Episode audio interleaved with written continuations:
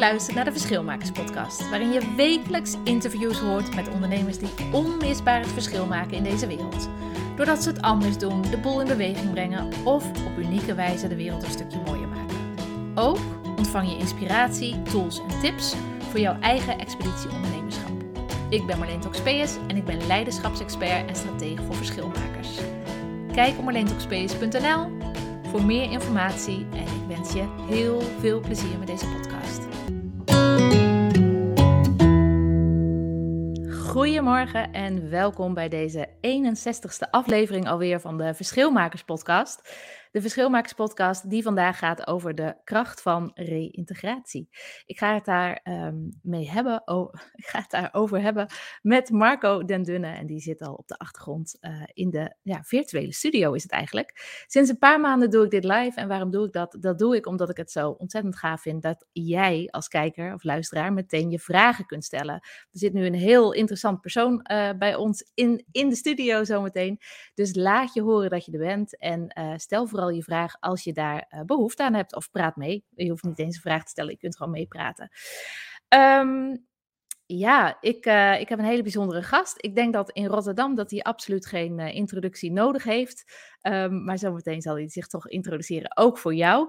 Ik kwam ja, het, het project Heilige Boontjes kwam ik een aantal jaren tegen via Dream School. Was ik aan het kijken en kwamen ze even in beeld. En daar zullen we zo meteen ook nog wel op ingaan. En uh, ja, Meestal doe ik een aantal overeenkomsten met mijn gast. Met deze gast heb ik niet heel veel overeenkomsten. Want het is een man, eindelijk weer een man in de uitzending. En um, het enige, de enige overeenkomst die ik tussen ons twee kon vinden, is dat ik ook bij een sociaal project heb gewerkt in Rotterdam. En dat is Business Club. En ik weet niet of Marco dat kent, maar daar gaan we het zo meteen wel op in. Ik ga hem erbij halen, Marco Den Dunne van Heilige Boontjes. Yes, Hallo. daar ben je. Hallo. Goedemorgen. Goedemorgen ja, fantastisch dat het gelukt is. Er was iets met browsers en dingen, maar we zijn, uh, we zijn gewoon bij elkaar. Ja, klopt. Ik zit op Safari, normaal gesproken op mijn computer, en ik moest via Chrome en dan moest ik eerst inloggen. Ah, ja, is Weer op zoek naar een van de vele wachtwoorden. oh, ja, maar het is gelukt. Nou, dat deed je razendsnel. Dat deed je heel ja. snel. hey, ik zei het net al, Marco. Ik denk dat, dat jij in Rotterdam helemaal geen, uh, uh, geen introductie nodig hebt of zo. Want je bent op zoveel gebieden bezig. Klopt dat? Of is dat een beetje vooraangenomen voor mij? Nou ja, ik, ja, ik ben op, op heel veel dingen zijn we bezig. Ook omdat uh, ik denk dat wat we doen en hoe Heilige Bandjes is ontstaan. Uh, vanuit de samenwerking juist uh, die ik had als politieagent met Rodney. Of eigenlijk nog steeds heb natuurlijk als politieagent, want ik werk er nog steeds. Yeah. Ja, loopt reïntegratie als een rode draad loopt daar doorheen. En het heeft echt overal mee te maken. En ik denk dat het gewoon heel belangrijk aspect is van wat ik doe. En tegelijkertijd denk ik ook dat het een heel erg onderschat aspect is van wat we doen als samenleving, maatschappij, oh, wow. overheid. Ja, ja, denk ik. Ja. Nou, daar, daar, gaan we zeker op in. Voor de mensen die jou nog niet kennen, want uh, er luisteren ook heel veel niet-Rotterdammers. wie, uh, wie ben je en uh, ja, wat doe je? Met, wat, wat zijn je verschillende petten die je hebt? Ja, nou, ik heb nu een mutsje op. In ieder geval, omdat het gewoon super koud is. maar uh, mijn naam is, uh, is Marken en Dunne. Ik, ik, ik heb jaren gewerkt als, als, als grafisch ontwerper, vormgever. bij verschillende bedrijven. Op een gegeven moment een, een, een omslag gemaakt naar, de, naar de politie. Omdat ik iets anders wilde doen. En ik wilde de tijd die ik investeerde in, in ontwerpen. En, en wilde ik wat meer ja, betekenis geven. Um, zodoende bij de politie uitgekomen. Nou, vond ik hartstikke leuk. En bij de politie ook van, ja, weet je, altijd een beetje het idee van, kunnen we het nou niet anders doen? En is strafrecht nou wel um, het ultimum remedium? Uh, of, of, of zit er meer in? En zodoende uh, samen met Rodney Heilige Bandjes opgezet. Een aantal andere projecten zoals uh, Onwijze Moeders. Kledingmerk later ook nog gedaan. En ja, wow. kort, allemaal hartstikke leuk. Ja, oh wauw. En hoe ben je, uh, Rodney, want dat is je partner, daar heb je heilige boontjes uh, mee opgezet. In 2014 was het al volgens mij, hè? Ja, in 2014 uh, leerden we elkaar kennen. Oké, okay. en hoe, hoe zijn we elkaar tegengekomen? Want op jullie website staat zo mooi, als je een oude boef en een agent met elkaar laat samenwerken en over reïntegratie laat nadenken, dan krijg je dit. Hoe zijn jullie paden gaan kruisen? Dat is natuurlijk ik was de, de toenmalige wijkagent van, van, van Spangen, Gary Werners. Ehm, zat ik mee in een, in een team. En ik werkte op dat moment werkte ik tijdelijk bij uh, afdeling strategische analyse bij de politie. Deed, deed onderzoek naar, naar allerlei processen. En dat was heel erg ehm, binnen. Ik zat ook op het hoofdbureau toen. En wat ik gewoon miste heel erg op dat moment was de straat. En ik had heel veel contact met Gary over de app. En die zei van, ja, maar gaat dan gewoon nog mee, weet je. Dus nou, we zijn naar buiten gegaan. En zodoende zijn we op bezoek gegaan bij Rodney, die in de ik, kan me nooit me goed herinneren of het nou de eerste of de tweede Staringsstraat was, maar in ieder geval een van die twee in Spangen.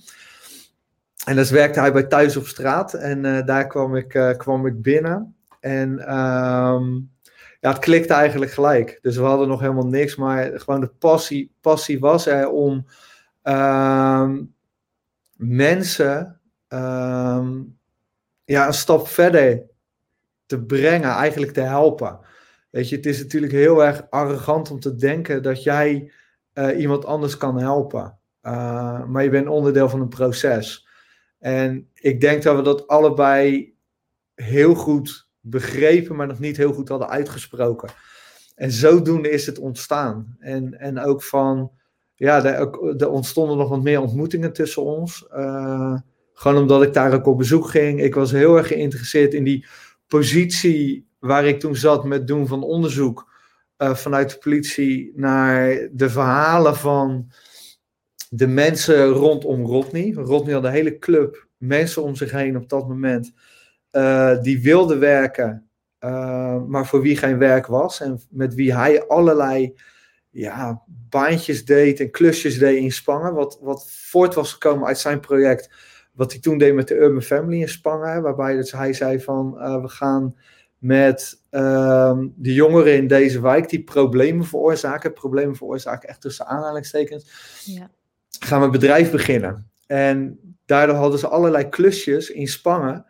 Uh, zoals het, uh, het schilderen van portieken en, en het, het uitruimen van tuinen. Waar geld oh, mee te verdienen van. Waar echt animo voor was. En dat was gewoon heel tof. En het was toen al een beetje het slop aan het raken. Omdat er uh, heel veel onduidelijkheid was over, uh, ja, over de subsidies daarin.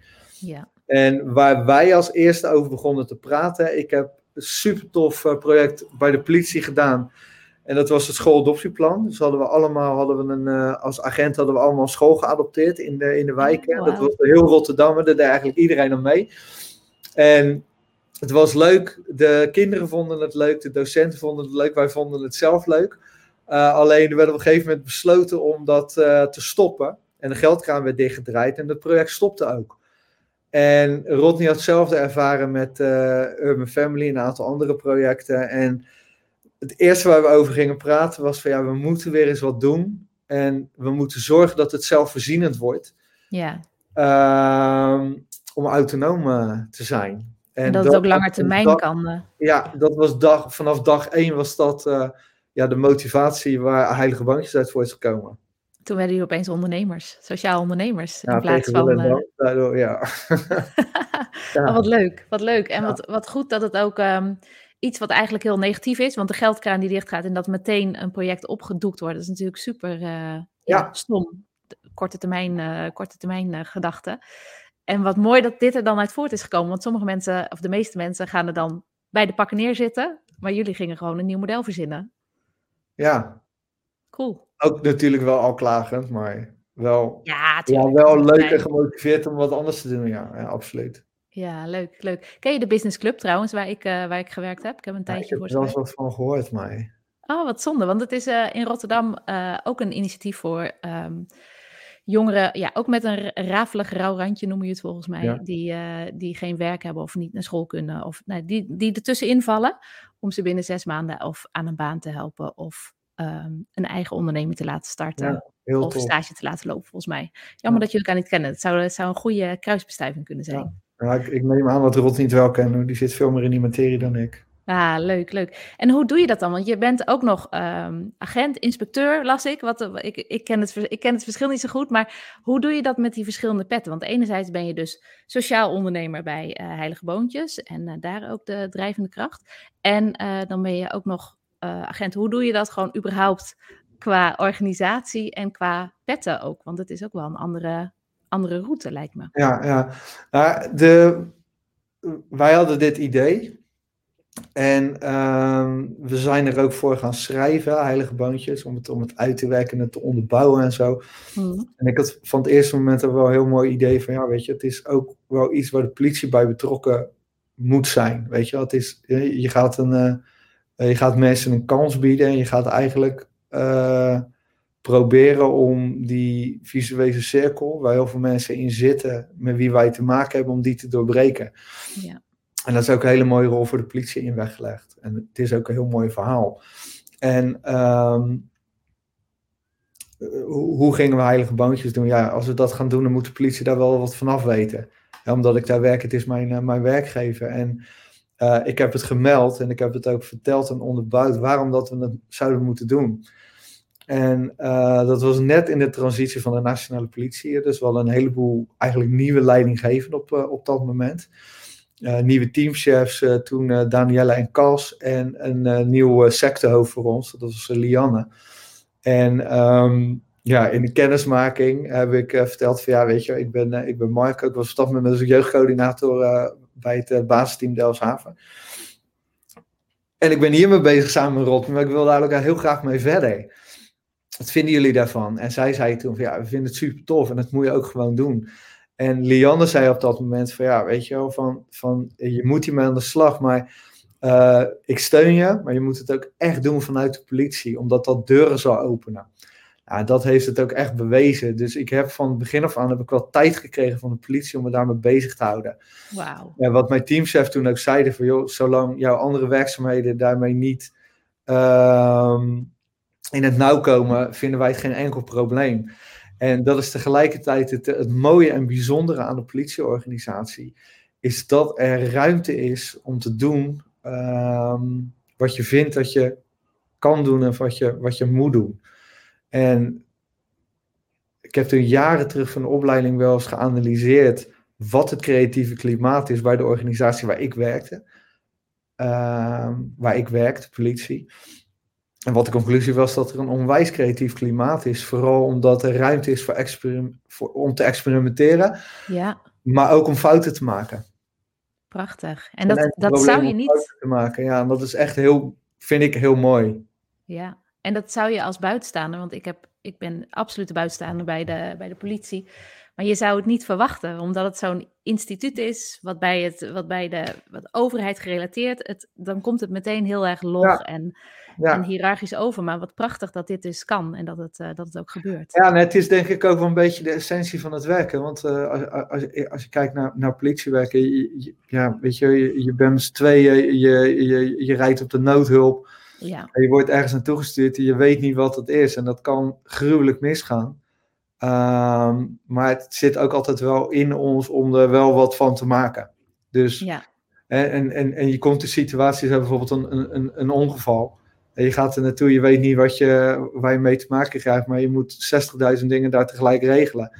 En op een of andere manier lukt het altijd. Dus, weet ja. je, ja, wat is dingen die niet lukken of fout gaan of fouten mogen maken? Ja, wat, wat is het als je ook in het proces bent om het, uh, om het uh, te doen slagen? Dus, ja, prachtig. prachtig. Ik denk ook van hoe je het bekijkt. Dus de politie was meteen, uh, jou, jouw werkgever was meteen enthousiast om ermee aan de slag te gaan met, uh, met heilige boontjes. Um, maar wat waren de drie belangrijkste stappen om het voor elkaar te krijgen? Want er waren vast wel een aantal hobbels die, die te nemen waren om het echt te starten. Wat, wat waren de belangrijkste stappen voor jou? Nou, natuurlijk. ja.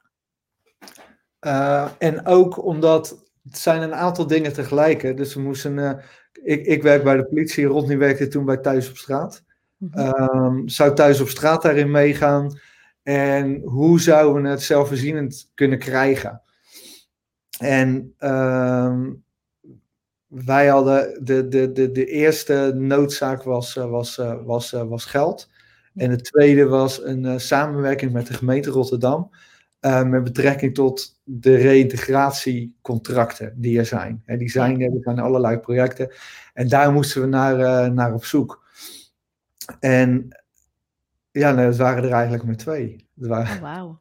niet eens drie. Maar het waren wel grote. Het waren wel de grote en de meest belangrijke. En wij zijn toen ehm, bij een van de ambtenaren gekomen van de gemeente Rotterdam, waar Rodney Zaken mee, eh, mee deed.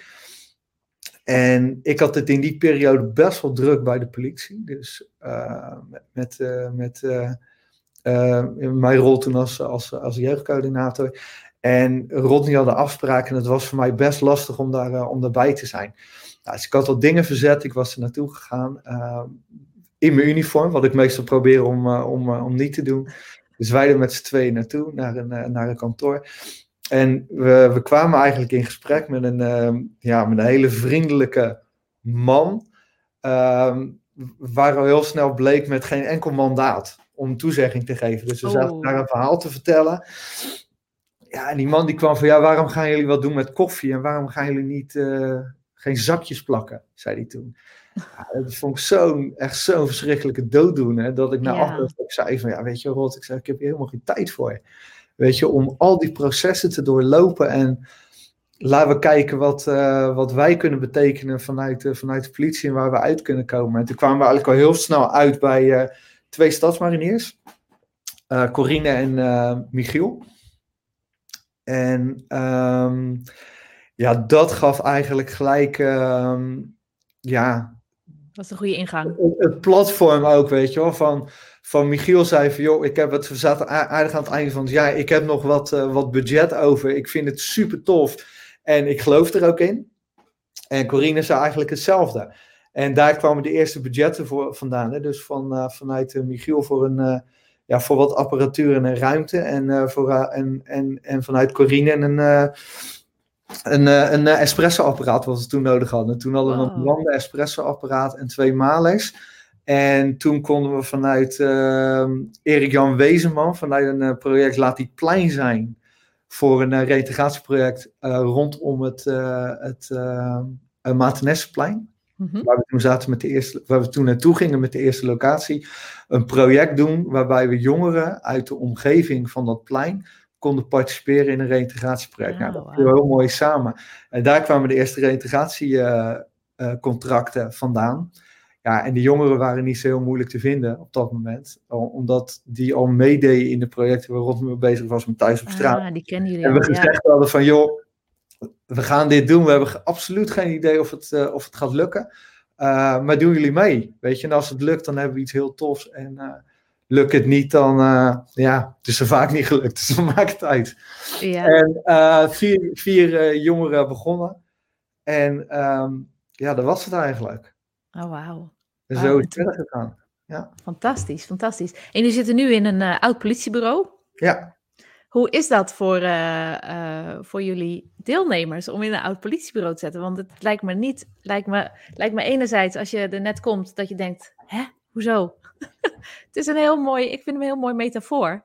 Ja, ja is het ook. Nou, Robin zei er ooit over van, uh, vroeger wilde ik hier niet komen, nu ben ik er niet meer weg te slaan. Dus dat is ja. ook gewoon wat we er zelf van maken. Ja. Uh, maar we zitten er eigenlijk al een tijdje en er is weinig meer te herkennen als een, als een politiebureau. Hè. Toen we daar begonnen in 2016 was het ook gewoon echt nog een politiebureau. Het was ook nog van de politie. Wat er gebeurde op een gegeven moment om de, de, de, de, de droom te realiseren van zelfvoorzienend. Uh, konden we niet realiseren op het, uh, op het, uh, op het want er was gewoon te weinig aanloop. Het was gewoon Ja. te klein. We moesten naar een grotere plek. We moesten ook in het centrum van Rotterdam komen. Maar ja, waar konden we zitten? Weet je wel? Er was niks te betalen en, en alles. En ik was een beetje op een zoektocht gaande in, in, in het centrum van Rotterdam. Om in het weekend eens te kijken wat er allemaal oh, wow. te krijgen was. En nou, ik, ik, had, ja, ik had wel wat dingen gevonden. Maar het was allemaal veel te duur. En uh, op de terugweg uh, pakte ik de metro terug naar huis uh, vanaf het Eendrachtsplein. En ik liep langs, ja, langs ons bureau daar. En ik keek naar die bureau en ik had echt zoiets van, staat dat nou leeg? En, en, ja, ik had een idee, weet je wel, tof. Dus ik ben eigenlijk gelijk gaan bellen met, met Lianne. Van joh, staat Eendrachtsplein, is dat leeg?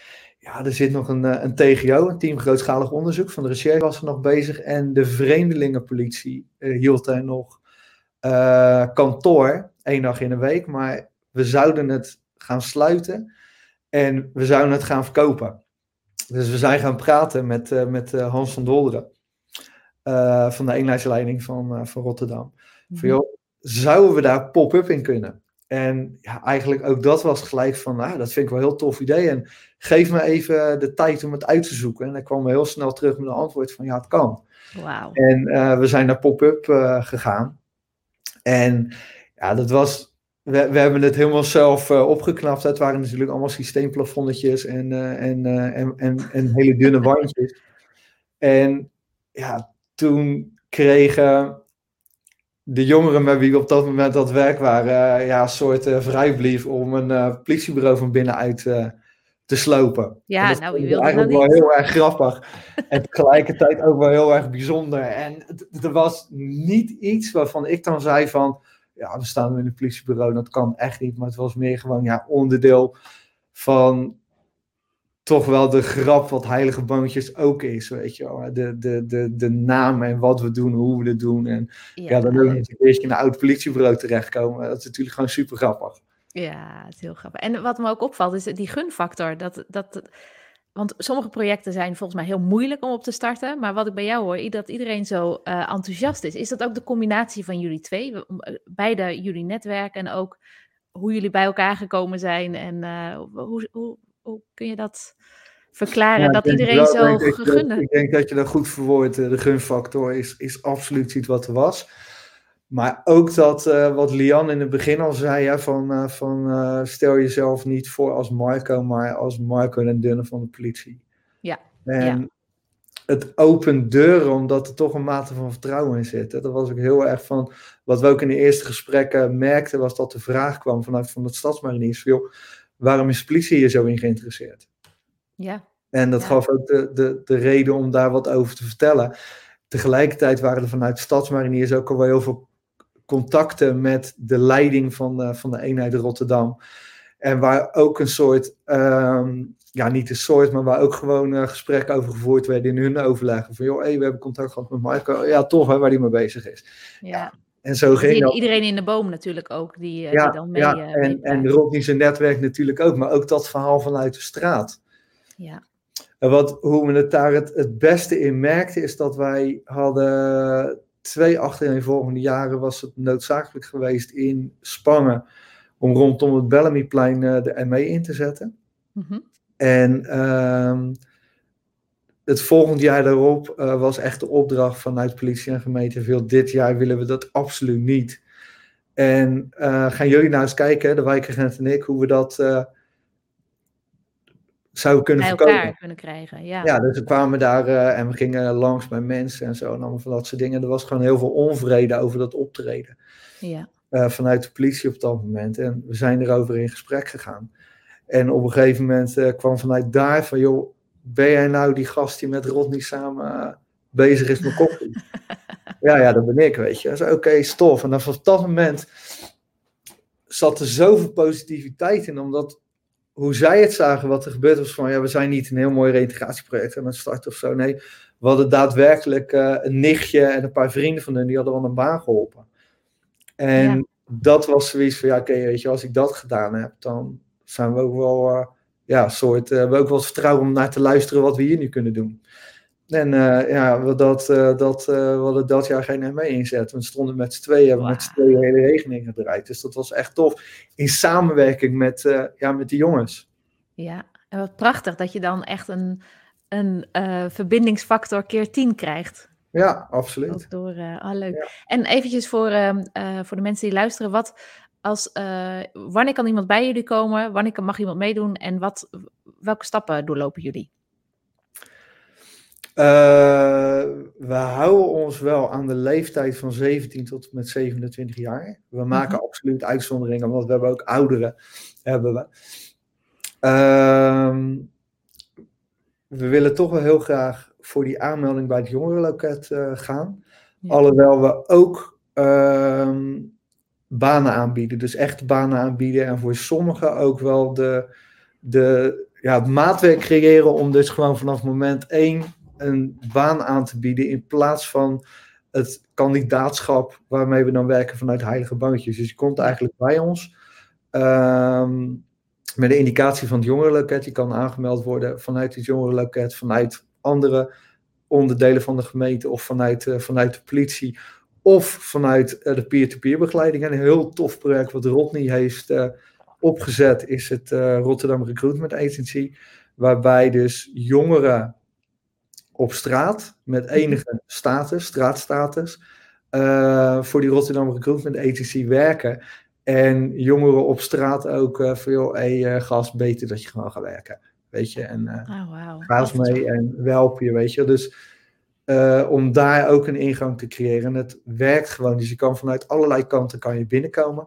Ja. En hoe we die intake doen, is uh, ja, met alle respect, maar de intake duurt een minuut.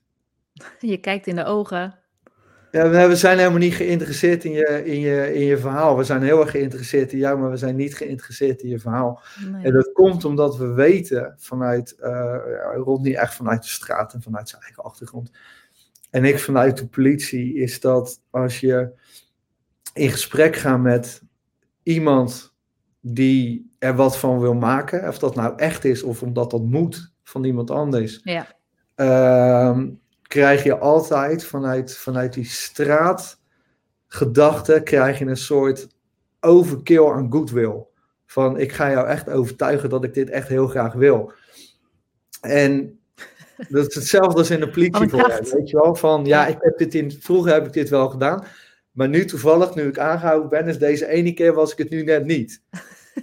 en ik was net heel goed bezig met uh, mijn leven op de rails te krijgen. En nu word ik weer aangehouden. Weet je wel, het is een verhaal van, ja, ik wil het wel geloven. Maar ja, vaak is het, uh, is het gewoon niet waar. Ja. En dat is met die intakes ook, weet je wel. Dus joh, geef gewoon je naam, je nummer, je burgerservice nummer. En dan kan je gewoon, uh, morgen kan je beginnen. En dan uh, ga je gelijk uh, beginnen met, uh, met, met werken. je hoeft echt niet acht uur te beginnen als stress. Je kan ook gewoon half tien komen, weet je wel. Dus dat doen we als een gestje. En dan gaat dat twee, drie weken gaat dat, gaat dat hartstikke goed. En op een gegeven moment is er een incidentje met iemand of met iets. Of het is te laat komen. En dan...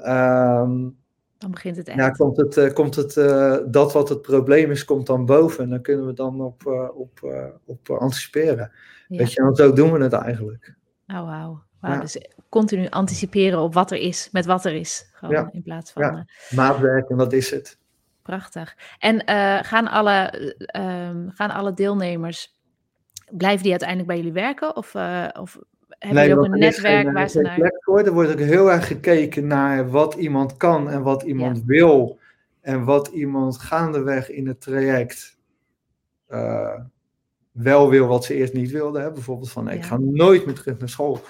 Want dat slaat nergens op. En dan gaandeweg zitten ze in het project en hebben ze zoiets van, ah, eigenlijk misschien wel een goed idee om toch wel terug naar school te gaan. Het opent toch mijn palet aan toekomstmogelijkheden, weet je. Dus dat is wel weer heel tof om dat, wow. uh, om dat altijd te zien. Dus dan gaan er ook aardig wat uh, terug naar school. En anderen zeggen van ja, de horeca vind ik helemaal niks. Of ik vind het juist super tof. En we kennen heel veel bedrijfjes uh, ondertussen die, uh, die deze jongeren ook een kans willen bieden. En daar gaan ze dan naartoe. Oh, wow. En sommigen gaan naar ons. En wat we ook wel eens doen is dat we na het traject nog een zes maanden contract geven. Waarbij we zeggen van joh, weet je wel, in samenspraak, beter dat je nog even bij ons blijft.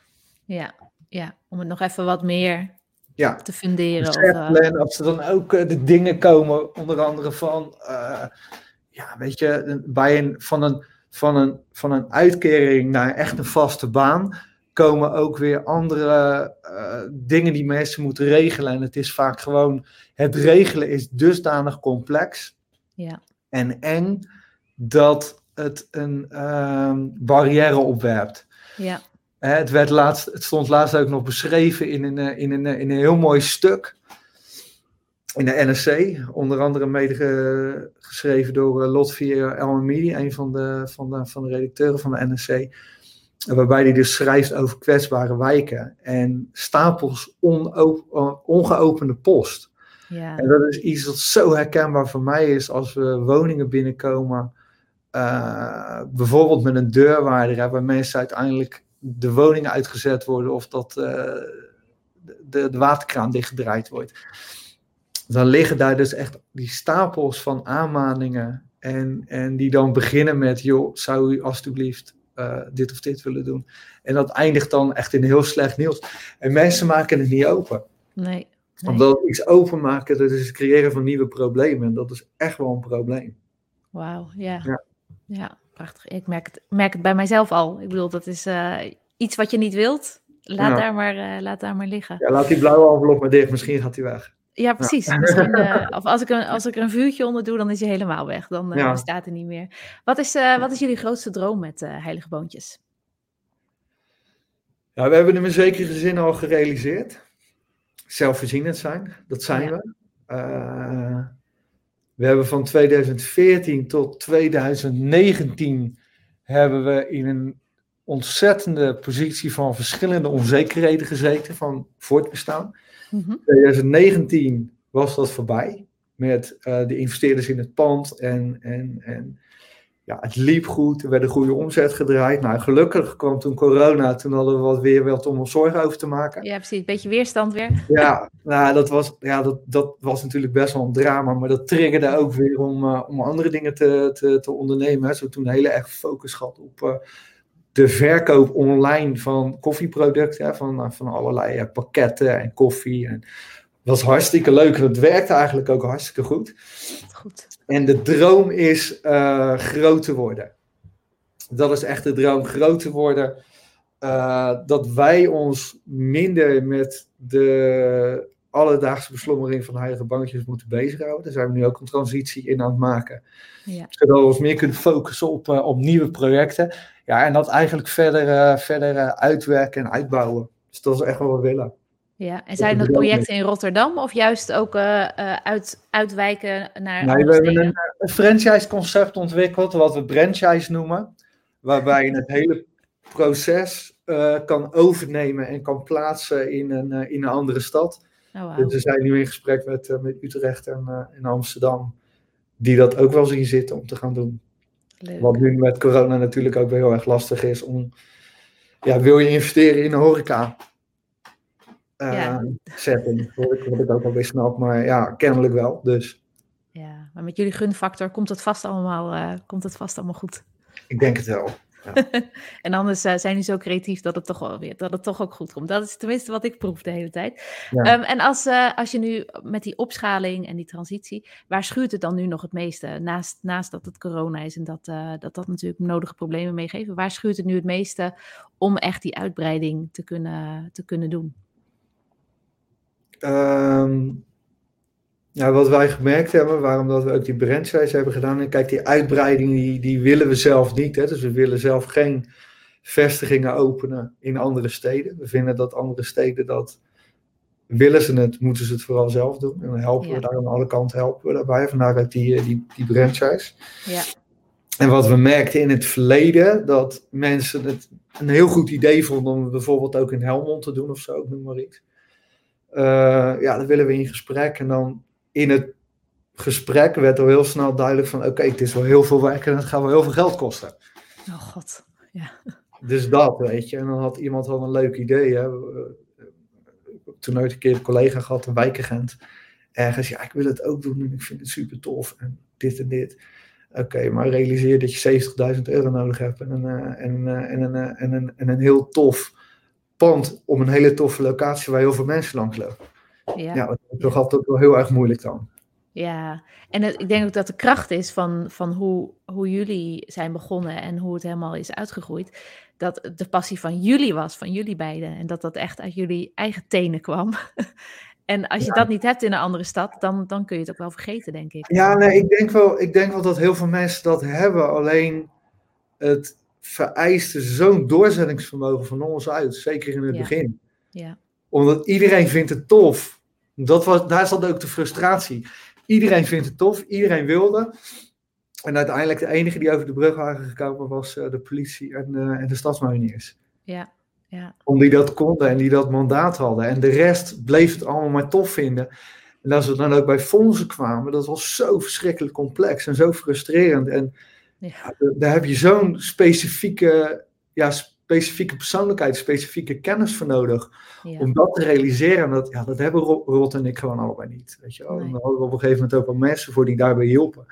Maar het was gewoon tergend, weet je. Want wij wilden door en we zaten ook in tijdnood. En je kan met de mensen met wie wij werken, die zitten heel erg op korte termijn. Van, ja. Je merkt het ook altijd. Ik vind dat een van de mooiste dingen om het, uh, om, het, uh, om het te illustreren. Is dat iedereen die bij ons begint, die krijgt standaard rond half twaalf, twaalf uur, half één, krijgen ze ineens trek. En dan moeten ze nu eten. Maar de klok op gelijk zetten.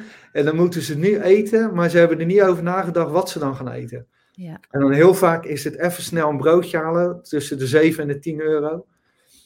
Ja. En de gedachten zitten nog niet in van, hé, hey, maar als ik nou een uh, vrijdag twee uh, bruine bonen koop, broden koop en een pot pindakaas, dan heb je de hele week heb je te eten voor veel minder geld. Ja. Weet je, en, en wat ook betekent is dat je dus gewoon, wil je iemand helpen, dan moet je nu weten te faciliteren. En die hulp die wij zelf nodig hadden en de hulp die wij bieden, dat loopt niet synchroon. Nee. En dat, daar zat de ware frustratie. Ja, dat kan ik me voorstellen, ja. Dus wij wisten wat we moesten bieden, omdat we hoorden uh, dat daar vraag naar is. Hè? En, en, ik denk dat dat überhaupt iets is wat we als overheden te weinig doen, is vragen, niet vragen, maar meer in gesprek gaan. Waar zit nu het probleem? En dat met elkaar te analyseren. Ja.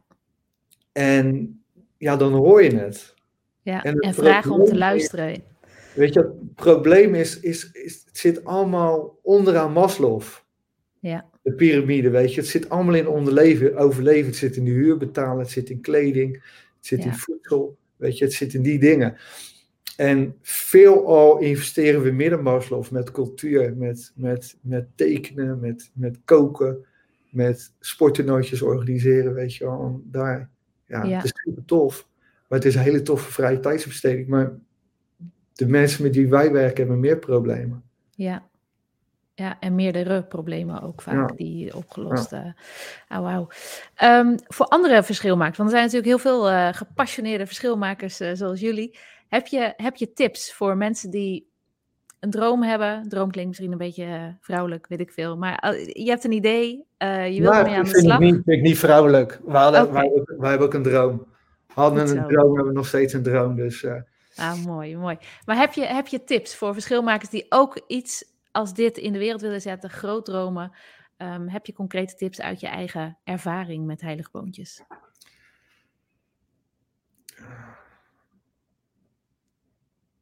Ja, ga het gewoon doen. Ja. Ik denk dat dat het mooiste is. En alleen kom je, dan kom je ook de echte beren tegen in plaats van de beren die je bedenkt.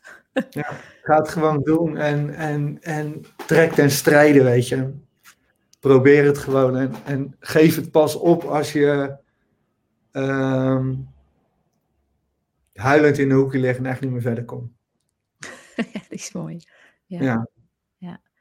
En wat, wat ik in jouw verhaal ook wel heel uh, sterk vind, is haal ook uit de kast wat er uit de kast te halen valt. In de zin van je connecties. Want er zijn vaak ook connecties die je helemaal misschien niet zozeer in eerste instantie ziet of uh, ziet dat dat nut heeft. Maar bij jou was natuurlijk de drijvende kracht ook de, het enthousiasme van de politie zelf. Ja, en, uh... ja nee, maar, maar zit, mensen willen echt helpen. Weet ja. je, en er zijn genoeg mensen die iets willen betekenen. Dat geldt absoluut ook voor de, voor de grote fondsen. Alleen je zal ze moeten overtuigen en ook het vertrouwen weten te geven. Dus je moet gewoon een heel goed verhaal komen. En misschien uh, wat wij anders hadden kunnen doen, is wat minder uiting geven aan onze frustratie. Daar zijn we heel goed in, allebei.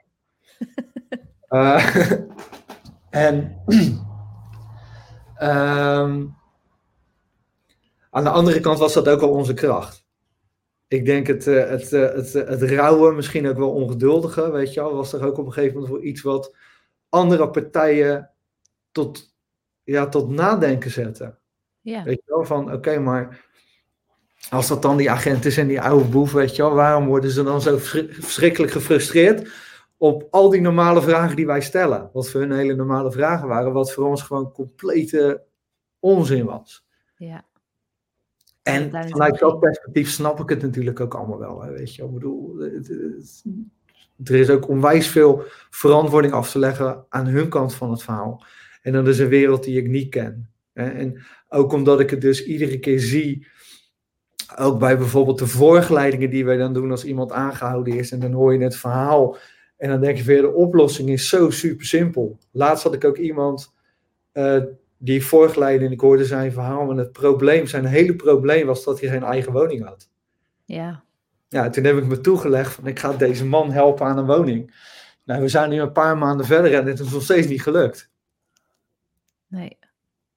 Terwijl ze er wel zijn. Ja, er zijn allerlei projecten. Er wa- er waren ook een aantal hele mooie projecten en, en waar we terecht konden via via. En die, nou, daar werd ik teruggebeld en die zei van ja, maar dit is crimineel, dat ga ik niet doen. Nou ja. Weet ja. je, ja, oké, weet je wel. Maar als we zo blijven denken, Kom je er nooit je, en uit. dat is ook het verhaal, weet je wel, mensen met een strafblad, ehm, mensen die gezeten hebben, die zijn per definitie vaak eng. En Ja. ik wil er toch al voor pleiten dat ze dat niet zijn. Kijk, dat is, een, dat is nog een mooie... En ze hebben alles niet gehad wat wij wel hadden. En dat klinkt misschien heel erg weeg. En ik krijg er wel eens verwijtende reacties op. Over ja, maar ik heb ook niet alles meegehad en ik heb dat niet gedaan. Maar in zo'n positie komen zijn vaak, vaak een aaneenschakeling van macrosociale factoren. Dus dingen die buiten jouw cirkel van, eh, van, eh, van invloed liggen. En om een voorbeeld te geven hè, van, van, van, van niet-criminelen die ontzettend in de problemen zijn gekomen, is toch zo'n toeslagenaffaire. Van mensen die, die, die zo in de problemen komen en op een gegeven moment is er geen weg meer uit. Nee. Nee. Dus hetzelfde geldt voor onze mensen. Ja. Ja, zeker. En het is ook nooit één probleem. Kijk, iemand kan wel reageren op jou van ja, ik heb het ook niet makkelijk gehad. Maar vaak is dat op één gebied. Maar er zijn zoveel gebieden waar je problemen op kunt hebben. Ja. En dat, eh, Ja. dat is wel de veilige basis die, eh, die er dan wel is. Mooie, mooie, mooie pleiting. We gaan het, eh, nou, volgende, volgende fase. Ja, Hey, waar kunnen mensen jullie ja, fysiek en online vinden? Fysiek eh, het Eendrachtsplein 3 in Rotterdam. Het oude bakkie politiebureau. Wat zeg je? Daar kun je lekker bakkie halen. Daar kun je lekker bakje halen en dan kun je lekker eten, lekker zitten en allemaal hartstikke leuke, leuke dingen ervaren. Leuk. En anderzijds op eh, www.heiligeboontjes.com. Eh, dat is onze, onze website met verhalen. Onze webshop. Kan je ook alles wat we verkopen in de winkel, kun je daar kopen. Leuk. En dat hopen we ook echt, weet je. Dat je drink je heilige boontjes koffie, dan eh, draag je bij aan kansen. Ja. En drink je Douwe Egberts, dan eh, ja, draag je ook wel ergens aan bij, maar niet aan de kansen van de ander. En zeker niet aan veel minder positiefs. dan, Dat, dat ehm, hoop ik. Ja, oh, wat goed. En ehm, hebben jullie eigenlijk een podcast? Want de foto die ik van jou kreeg, waren jij en Rodney die aan het eh, podcasten waren, volgens mij. Hebben jullie een podcast? Ik kon hem niet Ja, we, vinden. hebben een, eh, we, hebben een, eh, we hebben een eigen muziekstudio. Hebben we. Wauw. Ja. Op de, op de Eendrachtsplein. Op het eh. Eendrachtsplein in de kelder. Ehm, daar hebben we ook eh, in, ge- in geïnvesteerd. En dat is Rodney's droom. Die is heel erg in, eh, in eh, ja, weer een gerealiseerde droom eigenlijk. eh. Wauw. Maar Rodney's ding is heel erg, heel erg muziek. En hij is zoiets van, ik wil die studio, omdat ik gewoon heel veel mensen ken die, die muziek maken. Mhm. En die rappen. En het gaat vaak heel erg, erg over... Ik had net verteld van, ik ga een live podcast doen, dus kom niet in de koelkast. En nu komt iemand hier in de koelkast. gaat niet gebeuren. Maar, maar ehm, Veel Dus rappers. Veel, eh, eh, je zit ook gewoon ehm, mensen die in het traject zitten van heilige boontjes, om ook iets te kunnen doen van, joh, ik, ik weet je, je, je kan een, een, een nummer opnemen. En wij wilden toen ook een podcast doen. We hebben daar ook wel eens mee geëxperimenteerd. Maar ja, we hebben er gewoon de tijd nog niet voor gehad om dat goed, nee. goed neer te zetten. Dus, maar ja, met die muziek willen we ook, eh, willen we ook absoluut verder. Er zijn een aantal tracks zijn er, eh, zijn er opgenomen. Waarbij de, ja, de, de, de enige opdracht dan is joh, laat het nou eens ergens anders overgaan als eh, die money en zoeken met die niffy, weet je. En dat is het onzin allemaal, weet je. Laat nou eens gaan over iets waar het echt over gaat. Wauw, mooi stimulans. Ja. Prachtig. Dus je hebt gewoon een studio daar. Fantastisch. Ja. Nou, Ja, dat is een tof studio ook. Ja. Leuk, leuk. Nou, die podcast, wat mij betreft, zou die er wel moeten komen. Want het geeft, het kan zoveel jullie hart laten zien. En de hart van de deelnemers. En, eh, en het gewoon nog zoveel mee laten, ja, Ja. tot leven laten komen. Buiten de muren van Heilige Boontjes. Dus ik hoop dat jullie die muziekstudio nog een keertje induiken met z'n tweetjes. Ehm dankjewel voor het gesprek. Echt fantastisch. Ben ik nog iets vergeten te, te vragen, wat nog belangrijk is om te vertellen? Nee, Ja. je hebt het allemaal wel gehad. ik heb al. Ching, ching, ching. Checklist complete. Nou, super fijn. En eh, ja, ik heb je een jaar geleden al benaderd en toen, eh, toen waaide het weer weg. En nu, ik ben blij dat we tot gesprek zijn gekomen. Heel mooi. En ik ga zeker een bakkie eh, bij jullie drinken binnenkort. En ehm, bedankt voor het gesprek. En heel veel succes met jullie volgende dromen. Om dat allemaal werkelijkheid te laten worden. En Ja. ik blijf jullie in ieder geval volgen. Top, dankjewel. Nou, mooie dag. Ik zet hem op stop. Jij ook, doei.